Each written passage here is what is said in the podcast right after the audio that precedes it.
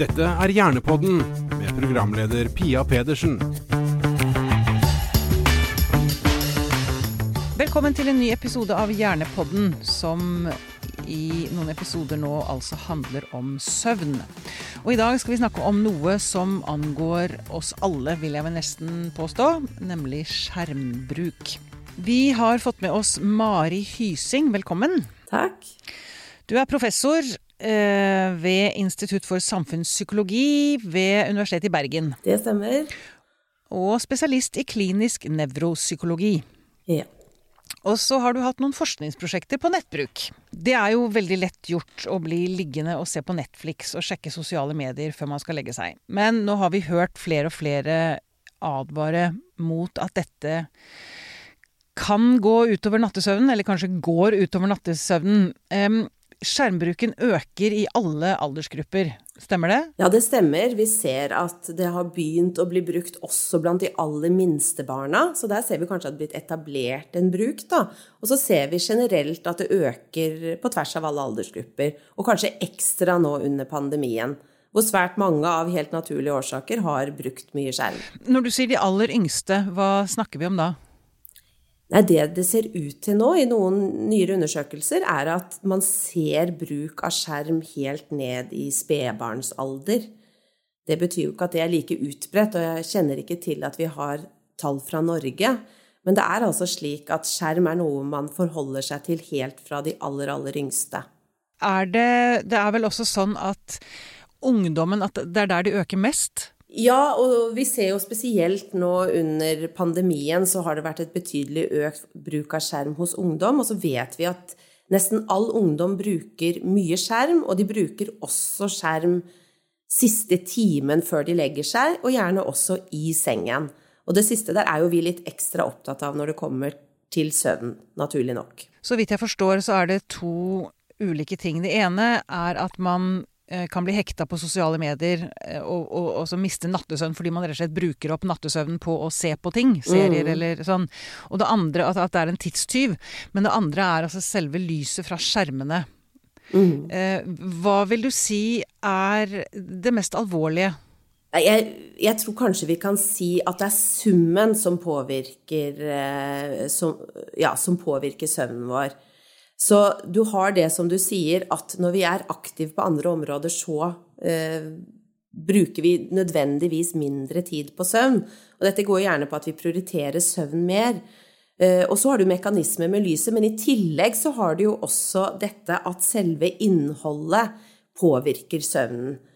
Altså det at vi har fått, kan du si, verden inn på soverommet og opp i senga i en fase hvor vi prøver å koble av. Så jeg tror at det er mange mekanismer som fører til at det påvirker søvnen, og så er det jo kan du si, på en måte hvilken grad det påvirker, og i stor omfang man får søvnproblemer av det, som kanskje er det viktige i denne sammenheng, da. Ja, Men fordi innholdet eh, har noe å si? Innholdet har noe å si, ja. Eh, og her er det flere mulige veier da, hvor innholdet kan påvirke. Mm. Det mest åpenbare det er det vi ser at det som jeg sa, at man skal være rolig når man skal sove. Man skal koble omverdenen ut, og så skal både kroppen falle til ro, og gjerne tankene eh, skal vi si, roe seg. At vi ikke er så aktivt tenkende. Eh, og det mye skjermaktivitet er jo også krever mye egeninvolvering og egenaktivitet for oss. Mm. Så med dette som bakgrunn så vil jo TV ofte vise mindre sammenheng enn et, kan du si, et spill. Ja. Eh, sp sånn gaming der hvor du er mer aktiv. Eh, så det er jo den mer sånn personlige aktiveringen hvor man på en måte er deltakende i noe. Og sosiale medier er jo også en deltakelse der hvor man er med. Eh, så, så, det er jo det hvor mye mer du føler deg aktivert og deltakende, og rett og slett da også naturlig nok våken, så vil man jo være mye lenger fra å falle i søvn. Ja, for, og, ja. for det kan også sette i gang sånn adrenalinproduksjon og sånn, ikke sant? Mm. Ja, så du har rett og slett en sånn fysiologisk aktivering. Så hele kroppen blir jo egentlig mer klar til å løpe og være aktiv på dagtid, mens kroppen skal jo være rolig når vi skal sove.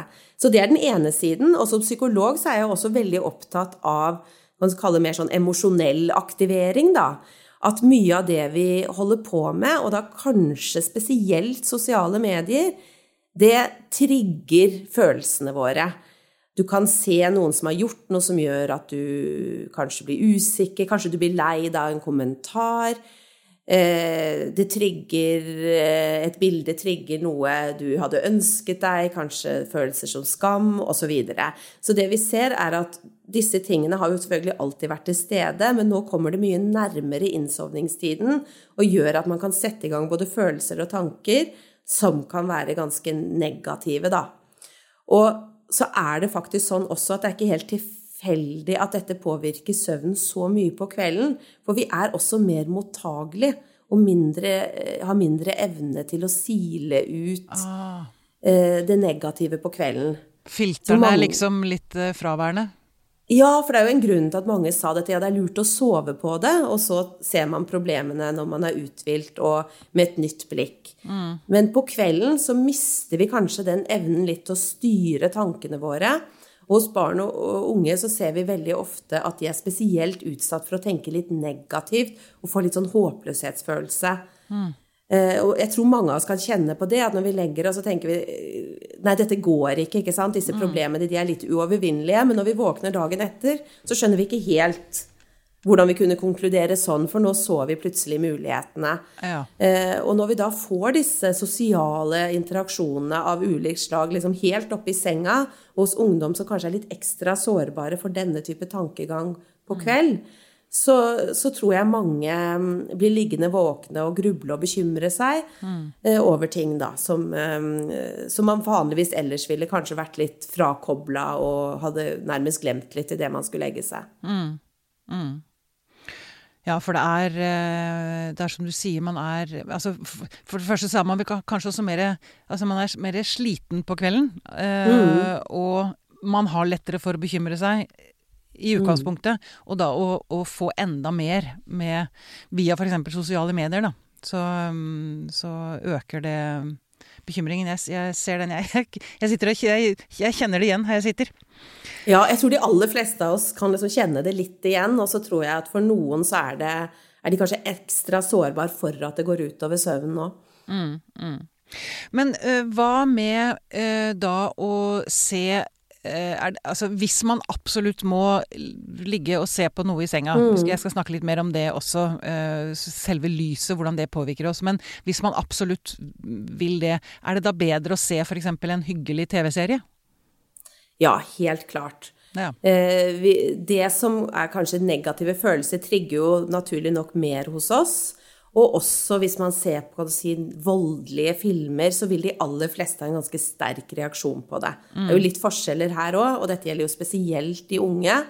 Men generelt så er det det at det å prøve å koble av på noe positivt vil jo være bedre hvis man da skal velge. Ja. Mm, mm.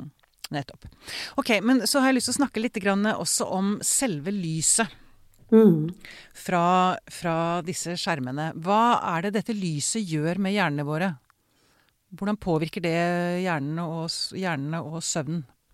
Det vi kan si at Lys generelt det styrer egentlig døgnrytmen vår, eh, og det gjør det gjennom hormonproduksjon og fysiologiske reaksjoner. Så når øynene våre blir utsatt for lys, så påvirker dette bl.a. Eh, søvnhormonet melatonin. Så det hemmer det på dagen, og når det blir mørkt på kvelden, så får vi mer av dette. Mm. Og dette gjelder alle typer lys, eh, så, så, dette er jo også det som gjør at kan du si Helt fra de minste barna så ønsker vi gjerne at de skal være ute i dagslys på dagen mm. Eh, når de våkner, for å få etablert døgnrytmen.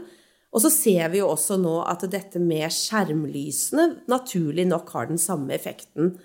Og her ser man jo gjerne at det man er veldig tett på ansiktet Altså En ting er å ha en TV litt langt unna, men nå sitter man jo stadig oftere med kanskje ganske store skjermer som på en iPad, ganske tett opp til ansiktet. Mm. Og dette har man sett at det påvirker hormonproduksjonen. Ja. Men det er, det er vel forskjell på lys òg, er det ikke det? Altså, det er noe med dette blålige lyset som også er eh, ekstra krevende for oss? Ja, det stemmer. Så det påvirker da hormonproduksjonen i større grad. Mm. Samtidig så tenker jeg det som kan være litt interessant eller greit å tenke på, det er at det er også en balanse her. Så man har sett at de som får mye dagslys eh, rett og slett ved å f.eks. være ute på dagen, at det kan også bidra til at man tåler mer på kvelden på et vis. Fordi at den totale eh, lyspåvirkningen er der. Så det er både hvilken type lys og når på døgnet, mm. og at man både er opptatt av det som fremmer si, våkenhet på dagen, og det som er mørke på kvelden. Ja, Men det betyr ja. kanskje nå da om, om, vinteren at man skal være ekstra påpasselig, for man får jo ikke like mye dagslys. Vi i Norge får jo ikke like mye dagslys i vinterhalvåret. Nei, det stemmer, og det ser vi også. og Kanskje blir det ekstra tydelig på de yngste barna, for de bruker jo da gjerne dagslyset for å komme inn i en døgnrytme. Mm. Og da ser vi at det tar lengre tid når det er vinter. Så jeg tror det å være veldig bevisst på at man også skal ha dagslys, og benytte de timene som er der, og, og, og være ute, at det bør man gjøre da, i tillegg til å prøve å få det mørkt og rolig på kvelden. Mm. Så er det sånn at dette er viktig, det vet vi, for lys er noe som styrer døgnrytmen vår. Men det som, som også er noe å ta med seg, er at dette er som sagt da altså ikke den eneste forklaringen på at skjermer holder oss våkne. Mm. Og det har man jo også sett i noen forsøk, at bare det å endre på disse lys... Altså fra blått lys og ta av disse på innstillinger, det er ikke nok til å bedre søvnen. Så dette er én av mange ting, men, men, det betyr ikke at, man, at ikke dette er viktig for å få en god eh, døgnrytme og være bevisst på lyset. Nettopp. For det, man, man, ser egentlig ingen forbedring av å sette på noen filtre eller eh, Altså ja, det er, det er, litt tidlig å si, men vi har i hvert fall sett det på studier hvor det er det ene tiltaket man gjør. Så er det ikke sånn at man da ser en stor endring i søvn på kort sikt. Mm. Så det jeg tror er at for mange har nok dette med skjermbruk og søvn har på en måte bare handlet om det med lys. Eh, og med alt det vi nå har snakket om, om andre mulige veier hvor skjermene påvirker søvn, så er det altså ikke tilstrekkelig. Så man må nok tenke litt mer sammensatt og kanskje også begrense det litt hvis man ønsker å ha en effekt på søvn. For det ser vi hjelper. Mm. Og så lurer jeg på Det viser seg at håndholdte innretninger har en sterkere effekt enn stasjonære. Hvorfor det? Altså, du nevnte jo i sted dette med at de er tett på. Mm. Eh, men er det andre grunner til at håndholdte er, er, er mer krevende for hjernene våre enn stasjonære? Ja, jeg tror, jeg tror, at vi er mer på, direkte på. Altså På de andre så har man gjerne ikke så full oppmerksomhet på noe. Og så vil jo mange, mye av innholdet der være mer aktiviserende. For der er det jo gjerne noe sosialt, eller noe man gjør selv. Det kan jo være i litt mindre grad at man ser på en film, f.eks. Og i så fall så er man jo fullt fokusert bare på skjermen. Så så jeg tenker at det går nok mye på hva man faktisk bruker det til. Men jeg tror i hvert fall for, som foreldre så kan vi jo tenke litt på å være litt bevisst at ikke de skal sitte med en iPad eh, på kvelden, ikke sant. At det Det har jo selvfølgelig litt med hva slags type oppgaver det er der, men hvis de f.eks. skal se på TV, så kan det jo kanskje være greit at de sitter med litt avstand og eh, ikke har det helt tett til seg. Mm. Ja. Mm. Så, så, jeg vet ikke om Det kan nok være andre grunner til dette òg, men at man har litt bevissthet. Og så er det jo også dette som vi ser, at de håndholdte vil jo fortere havne i senga. Så en av de tingene som kan være en av forklaringene der, er at vi ønsker egentlig at sengen skal forbindes med søvn.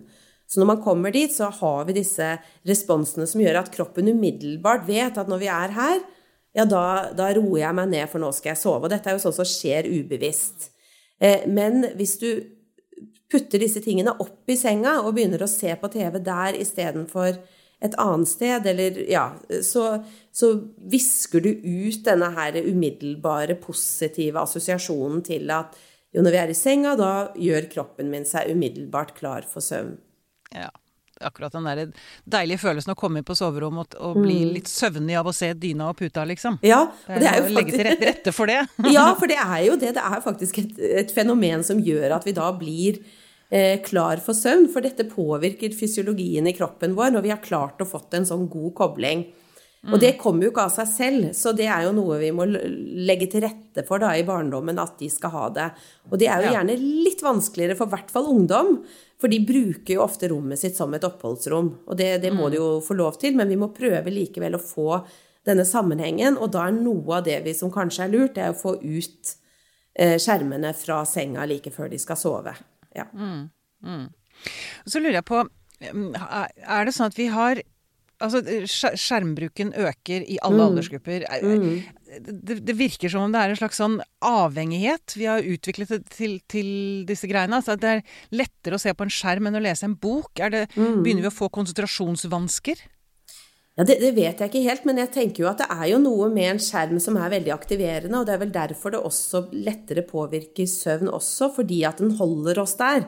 Den er en sånn umiddelbar eh, eh, tilbakemelding, og den, den, holder fokuset vårt over tid. Så det krever i hvert fall mye mer av oss å flytte fokus til noe annet. Mens der hvor vi mer må aktivt inn i det og lese, f.eks., og ikke får denne umiddelbare tilbakemeldingen For de som lager apper og spill og sånn, de bruker selvfølgelig alle de kjente triksene i boka for å holde fokuset vårt. Så da må vi mer bestemme oss for å legge noe bort, og det er jo vanskelig. De fleste av oss syns jo det er vanskelig å å velge noe som på en måte er en langtidspositiv effekt, som søvn, ja, da føler jeg meg bedre i morgen, jeg blir mer konsentrert og uthvilt, enn ja, akkurat nå er det noe spennende det jeg holder på med, som gir meg en umiddelbar belønning. Så det er jo Vi er nok litt laget for umiddelbart belønning, men uh, de fleste av oss har jo godt av å tenke litt fram i tid. Så, så jeg tror nok det er noe der at hvis man ikke er vant til å kunne fokusere og drive seg selv over tid, så er det jo veldig lett å la seg adsprede av eh, skjermer. Og for noen eh, så vil det jo være mye vanskeligere enn andre. Og da er det jo kanskje viktig at, i hvert fall hos barn og unge, at vi kan ikke forvente at de alltid skal klare dette helt selv. Altså den impulskontrollen og den evnen til å tenke langsiktige konsekvenser. For det er jo ikke nødvendigvis sånn en barne- og ungdomshjerne er skrudd sammen. Så, så, jeg tror nok at kanskje må vi gi dem litt mer hjelp enn det vi har gjort til nå. Eh, at det ikke bare er å fortelle dem det, men at de trenger noen rammer fordi at det å regulere det selv, det, det er et ganske høyt krav. Mm. Du, hva slags konsekvenser tror du vi vil se av denne økte skjermbruken da hos barn og unge spesielt, og, og mindre søvn? Ja, vi, vi, vet jo en god del om mindre søvn, og så vet vi da at skjerm er en av de faktorene som, si, som påvirker søvnen.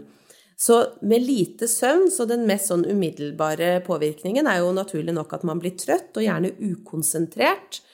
Og så ser vi også at det har noe, noen sånne følelsesmessige effekter, eh, hvor man kanskje blir ja, lettere lei seg og trist, irritabel. Det kan vi alle kjenne oss igjen i. Og det er jo også veldig synlig hos barn og unge som kanskje trenger litt mer ytre støtte for å regulere følelsene sine. Så de fleste kan jo kjenne seg igjen i at når man har sovet dårlig, så blir man ja, tyr lettere til tårene og er mindre oppmerksom. Og, og, dette er jo greit, sånn har vi det alle. Det jo, alle har vi jo opplevd det å ha sovet dårlig, og at man har det sånn en dag eller to, det er jo og innimellom. Det er greit, men skjer dette over lang tid, og på en måte mer blir et mønster, så kan det jo være med å bidra til mer psykiske vansker, og kanskje også skoleproblemer, som at man ikke eh, presterer så godt på skolen som man, har, eh, som man, i utgangspunktet kunne gjort da, hvis man hadde god søvn. Det er jo de mulige negative konsekvensene, men jeg prøver jo ofte å tenke at vi heller skal snu det og si at søvn er jo en veldig god investering i å ha, ha det godt på dagtid, i å kunne konsentrere oss. Nettopp mm. fordi at bekymring er ikke så bra for søvn. Så det siste vi trenger, er jo at folk sitter der og tenker at nei, nå Nei, nå har jeg rota det til! ja, så derfor prøver jeg å snu på det og tenke at alle sover dårlig innimellom. Det er greit, det går bra. Men det er veldig lurt å investere i det, for da kan vi faktisk få noen helt klare positive effekter da, som, vil, være, som, som vil være gunstig. Ja. Jeg tenker på eh, nå etter eh, Altså eh, i forbindelse med pandemien så har vi jo brukt veldig mye mer tid på skjerm. Både i, i jobb, men også på, på, på kveldene. Mm. Og så lurer jeg på um, Det at man bruker skjerm veldig mye i løpet av dagen, påvirker det også nattesøvnen? Mm. Ja, det ser sånn ut. Det gjør det. Det, på, det, ser ut til at det er en sammenheng med nattesøvn, mens kveldsbruken har en sterkere sammenheng. Ja. Men også totalbruken. Og noe av det er jo alle de tingene vi har snakket om, og så er det jo noe vi ikke har snakket om, og det er jo det at det er jo kanskje, Da gjør man det gjerne i stedet for noe annet. Eh, og det kan jo være å få dagslys eller å ha fysisk aktivitet, ja. som er bra for søvn, mm. f.eks. Mm. Og at man kanskje har bedre måltidsstruktur og hva man spiser hvis man ikke sitter foran en skjerm, men faktisk setter seg ved et bord eh, med andre, f.eks. Mm. Så du kan ha noen sånne indirekte effekter, da. av at eh, når vi Veldig mange har jo nå sittet ganske stillesittende og alene med denne skjermen, og det har kanskje ført til en del eh, livsstilsvalg som, som kunne vært bra for søvnen, da. Mm. Kan mye tid foran skjermen også føre til at man våkner midt på natta? Altså, Én ting er at man kan få insomni, at man sliter med å sovne inn. Men kan skjermbruken også føre til at man faktisk våkner og ikke får sove igjen? Ja, det, det, det, det, største sammenhengen er med, med, innsovning. Men det vi ser da hos en del, det er det at de bruker også skjermen, og da kanskje type enten film eller musikk eller noe annet, for å sovne. Så det blir eh, litt en, en, hjelp til innsovning. Mm. Og så er det sånn at vi alle våkner i løpet av natta. Vi har sånne korte oppvåkninger mellom dype søvnfaser. Altså vi går fra dyp til lett søvn, og så våkner vi litt, og så sovner de fleste av oss igjen. Men hvis man har blitt vant til å trenge hjelp for å sovne, så er det også sånn for noen voksne når de da, voksne, når de da våkner om natta, så er det nesten så de må begynne med å se på film igjen, eller det er, det er så, det, Da har du utvikla mer et søvnproblem, men vi ser det at blir man veldig avhengig av noe, og det er det noen her, og der ser jeg kanskje mest hos ungdom, at de trenger noe lyd eller noe annet for å sovne, så kan dette være én måte at det fører til oppvåkningen på natta. Ja. Og det andre er at hvis man er litt aktivert, det er det mange som kan kjenne hvis de har, altså, si, har gjort noe morsomt eller er på ferie eller er på en fest. Da kan det jo være andre ting som påvirker også, men at man da ikke er rolig nok når man sovner, og da kan man også våkne lettere. Mm. Så det er absolutt måter det påvirker, men vi ser jo helt klart at den største effekten er på at man utsetter egentlig både leggetid og innsovningstid. Ja, nettopp. Mm. Ok, um, så hva, hva, er dine råd? Altså, har du noen kjøreregler um, som, både for barn og unge, men også oss voksne? Ja. Nei, jeg tenker at det er noe med å først bli bevisst ens eget bruk og ens egen søvn, og så prøve å tenke selv egentlig hva er det jeg kan gjøre for å kanskje begrense det, og i så både omfanget, hvis man ser at man har mye skjermtid og også strever litt med søvnen. Mm. Og det viktigste er å finne måter hvor du prioriterer søvnen på, og finne egnede måter å begrense det på. Mm. Og da er det jo det letteste å begrense tiden, men så må man jo også ha en sånn realisme i dette her. Og det er derfor jeg ikke har en sånn veldig klar regel. For jeg tror at det er viktig at man går i en samtale om det og finner ut av ja, hvis jeg ikke klarer hvis jeg ikke klarer å kutte helt, klarer jeg å være på en form for flymodus på kvelden eller legge bort mobilen ut av soverommet. Hvis det er der du er, at du har mobilen oppe i senga hver natt og ser på filmer før du legger deg, så vil det jo være å prøve å redusere det. Mm. Kanskje se på filmen et annet sted, kanskje legge ut mobilen eller ha den på, eh, på flymodus. Så, så det blir å, å, skyve en selv litt i positiv retning. Mm. Så kan det jo også være noe av det jeg snakket om, hvis det blir veldig vanskelig, at man kan også eventuelt se på innholdet. Merker man selv at det er noen ting man blir mer bekymret av eller trigger mer? For mm. mange kan det være type sosiale medier. Men det å Eh, mens andre ting kan være greiere. Mm. Så jeg tror at det å ha absolutte regler For ofte så har vi jo sagt sånn ikke skjerm en time før man legger seg. Og så for veldig mange er det så ekstremt vanskelig å få til ja. at da prøver jo vi jo gjerne å gå i dialog og finne ut ja, hva tror du at du kan gjøre. Eh, og da finner folk ofte gode løsninger når de vet logikken. Altså de vet dette med lys, og de vet det med aktivering og bekymringer og sånn. Så kan vi snakke med dem om hvordan de kanskje kan få en Eh, mer fornuftig skjermbruk, da, som i mm. mindre grad går utover søvnen. Mm. Mm. Mens på barn og unge så må vi jo mer inn og, og, og ja, på de hvor yngre de blir, så må man jo ha mer klare rammer og mindre forhandlinger, naturlig nok. Mm. Så dette blir jo gradvis. Ja, mm. For det er ganske liten motivasjon hos de unge for å endre mobilbruken? ja, det er det. Det er det. Og så tenker jeg at med ungdom så må man jo kanskje inn og snakke med dem. Og, og, jeg tror jo det som vi kanskje har undervurdert litt, er at de fleste ungdom vet at det er viktig å sove mye, og de vet en del om skjerm, men det er ikke sikkert de alltid vet hvilke mekanismer og hvordan det er lurt å tenke mm. rundt det. Så det å faktisk snakke skikkelig med dem og høre hva som er mulig, for én ting som jeg prøver å være litt mer direkte oppfordrende til, det er det at spesielt skolearbeid og øving på prøver og lekser og sånn, at vi prøver å gjøre det på ettermiddagen og ikke i senga mm. på kvelden. Det er veldig veldig mange som gjør det. Mm. For det har en tendens til å ikke bli så veldig effektivt og skape mye bekymring, og ikke eh, og påvirke søvnen. Så det, det, det, funker ikke på en måte. De mm. gjør det jo for at det skal gå enda bedre på en prøve eller en innlevering, og så har det veldig ofte ikke den effekten. Eh, så, så, så, akkurat der tenker jeg at foreldre Og der kan vi prøve å være litt tydelige, både kanskje som foreldre og fra skoler, mm. mens en del andre ting for akkurat når de skal legge det fra deg, hva som er mulig, der må man nok lage noen avtaler med dem som de forstår logikken i. Eh, mens for de yngre barna, der kan vi jo mer ha noen klare rammer og regler. Som at mobiler eh, og PC-er skal ut av rommet på kvelden f.eks. og ligge til lading ja. i et fellesområde. Ja. Ja. Og får vi det inn tidlig, så kan vi håpe også at ungdommene tar det med seg og tar noen av de valgene selv når de skal bestemme mer. Mm. Mm. Men og noen Du var vel inne på det, men, men kjøreregler for oss eh, voksne Altså jeg tenker jo, altså, Man får jo så dårlig samvittighet, samvittighet når man driver og binger en TV-serie og sånn. Eh. ja. ja. for det er jo litt den der jeg tenker at man må prøve da, Hvis man kan prøve å si ja, hvordan kunne jeg forbedra skjermbruken min litt, altså begrense den litt og sett hva jeg skulle gjøre. Og for mange så vil det jo være å, å kutte det i senga om natta. Mm. Og kanskje også på kvelden. Så tror jeg for mange, altså, og til og med mange sjekker liksom jobb-e-posten eh, etter at de har lagt seg, ikke sant. Og da kan du i hvert fall få trigge bekymringer ah, eller andre ja. ting du skal gjøre dagen etter. Mm. Så jeg tror for mange av oss er det Vi vet på en måte hva vi skal gjøre. Og så er det jo viktig å gjøre det på en sånn måte at det ikke bare skaper enda mer sånn bekymringer og irritasjon, og at man ikke klarer det. Mm. Så, så, jeg tror at det er veldig lurt å prøve å, å tenke at ja, hva skal jeg gjøre for å koble av og ha det hyggelig? Eh, og, og, koble litt ut fra både jobb og det sosiale livet og verden utenfor på kveldene. Ja.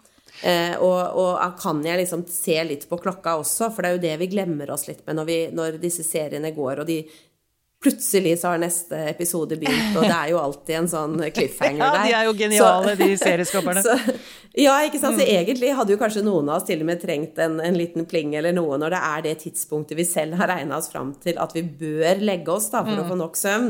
Og det å ta en sånn lite regnestykke på det, det syns jeg er en sånn grei ting å gjøre med ungdom, men det kan vi egentlig gjøre med oss voksne òg. Når må jeg stå opp, og når må jeg faktisk da legge meg for at jeg skal få de timene mm. jeg selv mener jeg trenger for å ha en god dag. Mm. Og det tror jeg vi ofte vet, men så bare skjer det. Ja. ja ikke sant. Eh, så, ja, og da må vi finne mekanismer og minne hverandre på det, eller titte litt på klokka, eller ha Altså, ja. Ja. ha en bevissthet rundt det. Og så tenker jeg vi må også godta at vi ikke alltid får det til, for lett er det ikke. Nei. Og så er det kanskje altså lage noen sånne gode rutiner for å, som man på svensk sier, verva ner. Altså ja, gå, ja. gå, ned i, i, turtall på kvelden. Altså, det er lov å sette mobilen i flymodus klokka ni. Trenger ja, ikke å svare på jobbmail etter ni. Nei, ikke sant. Og hvis noen begynner å gjøre det, så er det jo noen andre som, som får et pling inn òg. Så, så, jeg tror at eh, Ja, jeg syns det, det, det, var et godt uttrykk. Mm. Det, det, er det vi trenger å gjøre. Hva er det jeg trenger å gjøre for å få roa meg ned? Ja. ja. Veldig bra. Er det noe annet fra forskningen som eh, vi ikke har vært inne på, som du tenker er viktig å løfte frem her, Mari? Nei, jeg tror vi har vært inne på det meste. Altså det viktigste fra mitt perspektiv er at vi tenker på det litt sammensatt, og også husker på dette med bekymringer og og, og, hva innholdet gjør med oss, fordi at det ofte blir glemt. Så jeg er veldig glad vi har fått dekket dette også. Mm. At, vi, at, vi, ser både alt fra det fysiologiske til lys og aktivitet, men også til bekymringene. Mm. Og at vi har troen på at ja, men dette klarer vi fint å endre på nå. Eh, at vi har en mulighet, og at vi er litt tålmodige med oss selv. Så, så at det blir en positiv vri på det. Mm. Veldig bra. Da sier jeg tusen takk. Ja. Det var, eh, det, jeg har fått noen Blitt litt inspirert, jeg, tenker jeg. Til å i hvert fall kutte ned litt på disse seriene. Ja. ja, ikke sant. Veldig bra. Jeg òg, tenker jeg. Må jo, man må jo ta tak i seg selv også. Ja, ja det er noe med det. Selv om man er søvnforsker. Ja, det er noe der. Tusen takk for uh, praten, Mari Hysing. Det var veldig interessant. Ja, takk skal du ha. Denne podkasten er produsert av Tid og List for Hjernerådet.